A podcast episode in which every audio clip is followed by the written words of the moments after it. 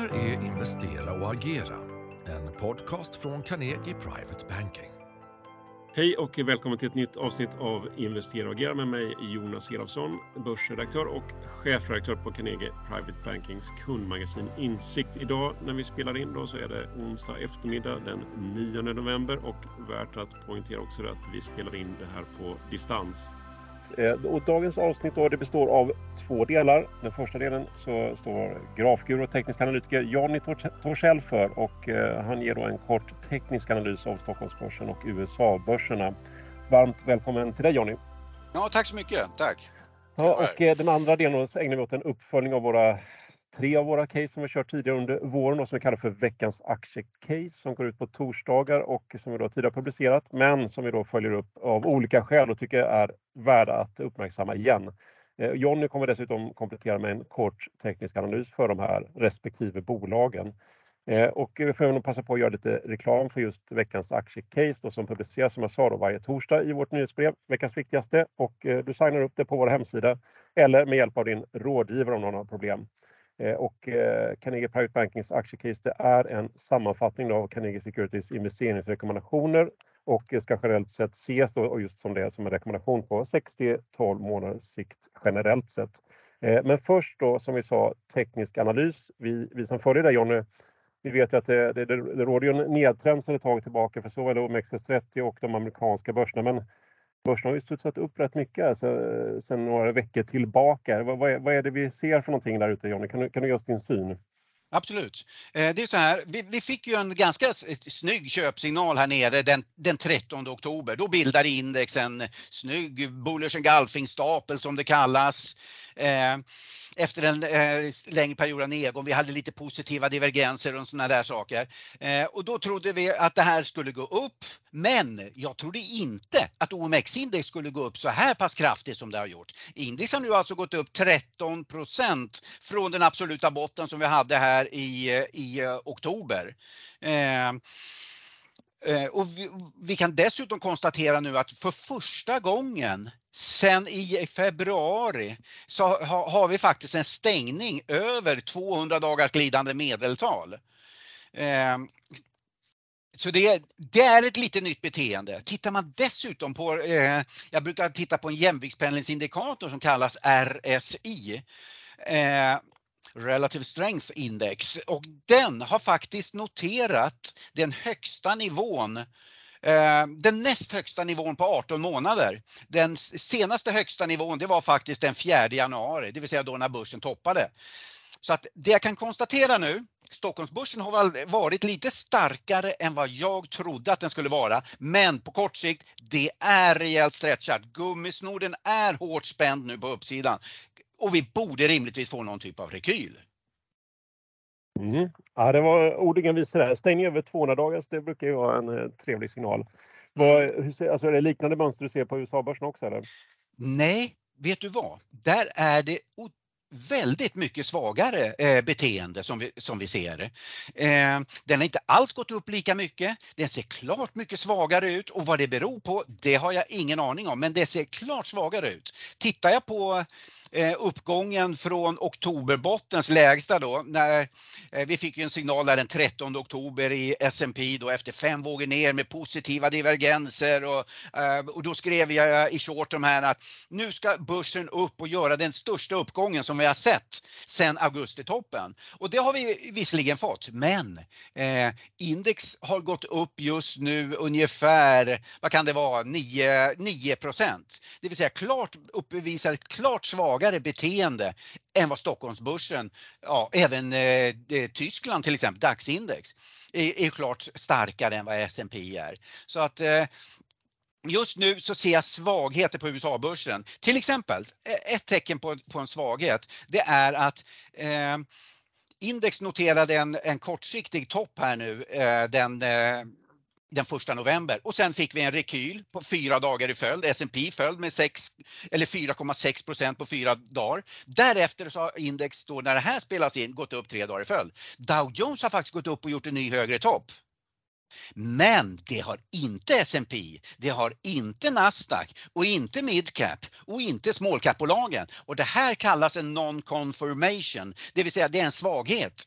I en stark marknad så brukar de flesta indexerna göra ungefär samma sak. Så det är ett litet svaghetstecken, i alla fall så här långt. Ett annat tecken som jag ser, det är att volymutvecklingen i den här uppgången, den är relativt sett svag.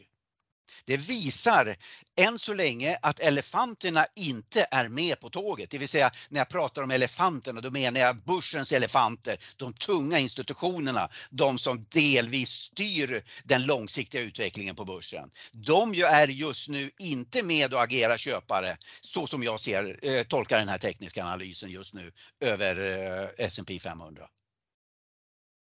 Spännande summering där Johnny, minst sagt eh, intressant läge då där ja. Stockholmsbörsen är före får man väl säga, eller som ser ja. starkare ut. Ja. Men om man då vill ha mer daglig teknisk analys signerad Jonny Torssell så rekommenderar vi ditt morgonbrev då short term för dig som är kund. Och eh, då tänkte jag vi sätter punkt för den rena tekniska delen där och eh, går vidare på den lite mer fundamentala delen och eh, uppföljning av tre av våra veckans aktiecase som vi har kört tidigare här. Och Idag då tänkte jag ta fram eh, Bufab, Inwido och Lindab och jag börjar då med Industrihandelsbolaget som det är då, Bufab, som vi lyfte fram den 17 februari. Och det ska man komma ihåg också att det var, det var ju veckan före Rysslands invasion av Ukraina som då har förändrat väldigt mycket efter det på börsen och marknaden inte minst.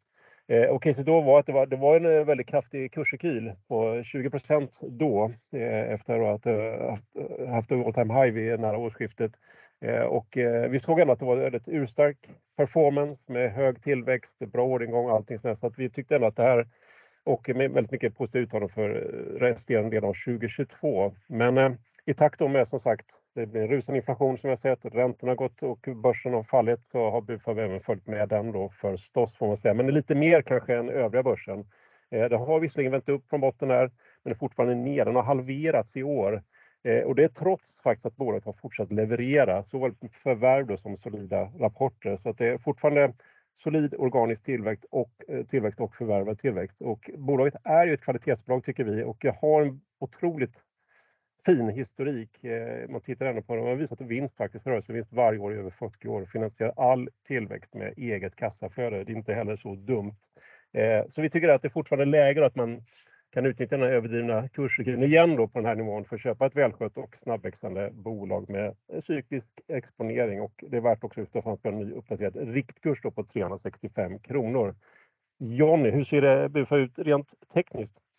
Ja, eh, så här, jag tänkte att innan jag går in specifikt på Bufa så tänkte jag bara tala om lite grann, eh, prata om en, eh, en variabel som jag tittar väldigt mycket på och det är de fyra faserna på börsen, i enskilda aktier och i olika typer av finansiella objekt rör sig vanligtvis i fyra olika faser. Om vi tänker oss att vi har haft en, en lång nedgångsfas, så innan det sen vänder upp i en uppgång så går vi ofta sidlänges under en längre period.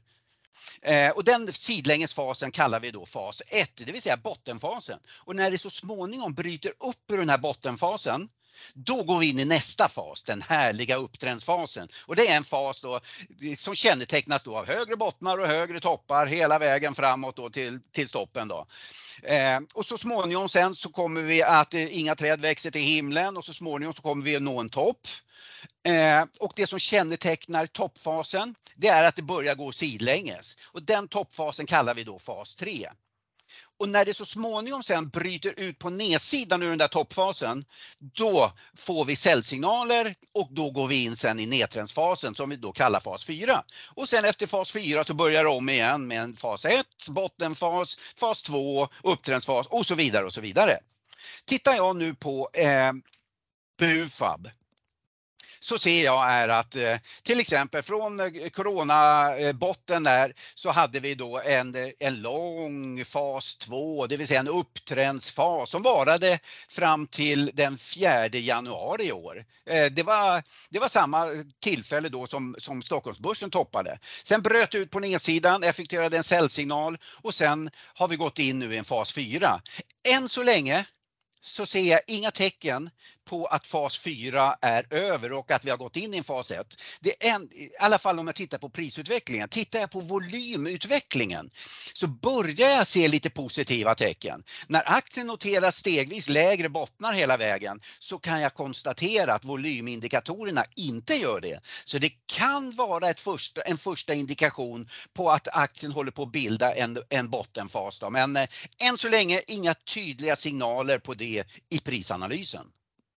Mm, intressant, så kanske eh, lite tidigt teknisk, eh, med tekniska analysglasögon men eh, fundamentalt så ser den som sagt väldigt attraktiv ut. Och vi tar klivet över till fönstertillverkaren Inwido som vi då lyfte fram ytterligare några veckor senare här, det var den 10 mars, alltså några veckor efter då det krigsutbrottet. Då, då såg vi också de är marknadsledare i Europa på just fönster och de, eh, alltså de, det fanns en väldigt stark operationell trend och gynnas av liksom väldigt stort fokus på hållbarhet, energibesparande åtgärder inom EU och hade en rekordstor order, orderbok eh, som vi tyckte borgar för väldigt stark 2022, i alla fall inledningen. Och eh, även den var ju väldigt lågt värderad aktie. Då. om man då tittar på vad som har hänt där så, är, så har faktiskt bolaget fortsatt leverera eh, väldigt väl faktiskt både Q1, Q2 och Q3. Eh, och framförallt då på tillväxten, de hade väldigt stor orderbok att ta av också. Men dock kan man då märka lite press på rörelsemarginal så som andra industribolag märker av då. Lite grann slog de för just dem i e-handelskanalen faktiskt. Eh, och det finns ju förstås en oro då kortsiktigt kring kostnadsökningar och hur framförallt kanske byggkonjunkturen utvecklas eftersom man är en underleverantör kan man säga där. Eh, men, men vi ser deras hållbarhetsfokus att det kommer gynna dem i många år framöver för det kommer öka så att säga, visibiliteten för Inwido och eh, vi tycker att det är motiverar högre värderingsmultiplar för de är riktigt låga idag. Det är P7 och P8 nästa år. Eh, och man har dessutom en stark balansräkning för fortsatt M&A då eftersom man är ett förvärvsbolag också. Eh, och det är väldigt hög direktavkastning på 7 och även här då så har det kommit en ny riktkurs eh, eh, från initialanalysen och det är 120 kronor. Vi tycker det är ett bra ingångsläge här på fundamentala grunder. Även den här aktien har ju då halverats Johnny. Ser den här likadan ut då som, som Bufab eller hur ser den ut tekniskt? Ja men ungefär aktien befinner sig i en fas 4, det vill säga en nedtrendsfas då, sen, sen toppen då i januari. Den toppade också den 4 januari eh, när, när börsen som helhet toppade och sen har vi haft en sekvens med stegvis lägre toppar och bottnar hela vägen. Vi har än så länge inget eh, brott av, av det här negativa mönstret. Det jag ser det är lite positiv eh, volymanalys som indikerar, som inte noterar nya lägre bottnar trots att aktien gör det. Så det skulle kunna vara en första indikation på någon typ av trendbrott. Nästa kortsiktiga kortsiktiga köpsignal får jag om aktien passerar 103 spänn. Eh, får jag den signalen, ja, men då kan vi säkert röra oss upp mot en 120 nivån eh, där vi har 200 dagars medeltal och lite andra kortsiktiga toppar.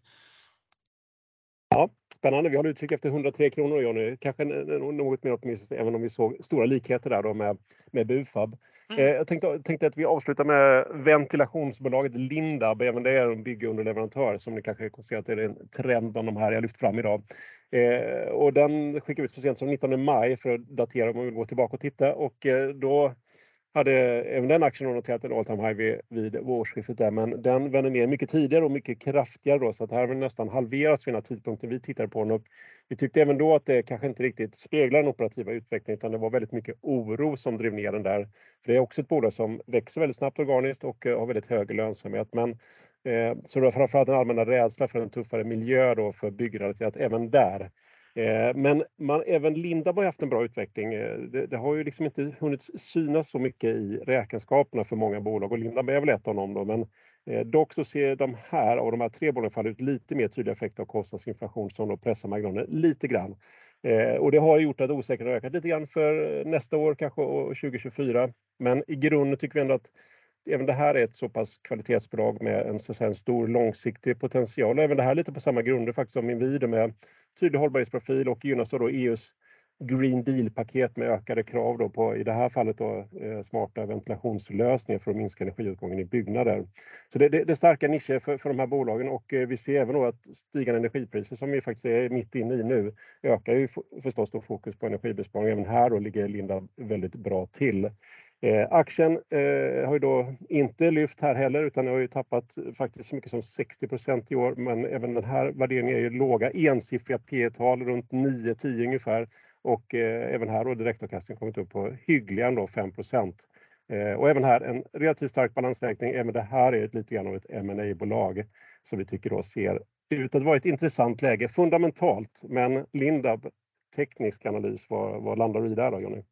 Ja, det känns nästan eh, tråkigt att upprepa, men det, det, det, är också en aktie som befinner sig i en, i en fas 4 då, vilket säger sig själv då med tanke på det du sa då, aktien gått ner 60% sedan årsskiftet.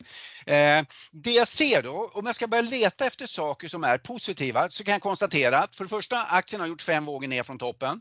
Normalt sett efter en femvågssekvens så brukar vi få en reaktion uppåt. Jag kan konstatera också att jag ser positiva hastighetsdivergenser.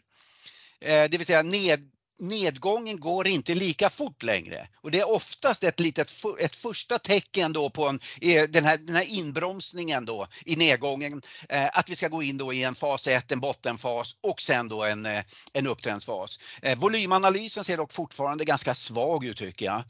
Men eh, ja, Eh, skulle kunna, ja, det här skulle definitivt hålla ögonen på den här. Det här kan bli riktigt spännande nu att se om, om vi kan få någon typ av köpsignal. Nästa köpsignal i, i aktien, det får jag om det bryter igenom eh, 50 dagars medeltal. Ja, någon, säg någonstans om det bryter igenom 130 spänn där med lite styrka och kraft. Ja, men då skulle vi kunna få eh, om, mark, om miljön runt omkring oss, det vill säga om börsen är hyfsat, hyfsat bra. En rörelse kanske ända upp mot en 175 spänn, det vill säga den senaste kortsiktiga toppen. Mm, det låter bra. Det är också det som är 155 kronor som är faktiskt den nya riktkursen här i den senaste updaten då. Och eh, jag tror eh, vi sätter punkt där. Tack till dig Jonny. Mm, tack så mycket. Och eh, det var allt för idag då. Tack för att du har lyssnat. Aktiecasen som vi tog upp eh, är sammanfattningar av Carnegies fundamentala analys som publiceras för Carnegies kunder. Och vad gäller Bufab var den 28 oktober, Inwido den 25 oktober och Lindab den 26 oktober. Och mer info om aktierna finns länkat i beskrivningen till den här podden. Historik och underlag kan du få ut genom att mejla till mar information at carnegie.se. Är du intresserad av topprankad aktieanalys och unika investeringsmöjligheter? Gå då in på carnegie.se privatebanking och lär dig mer om vad du får som private banking-kund hos oss.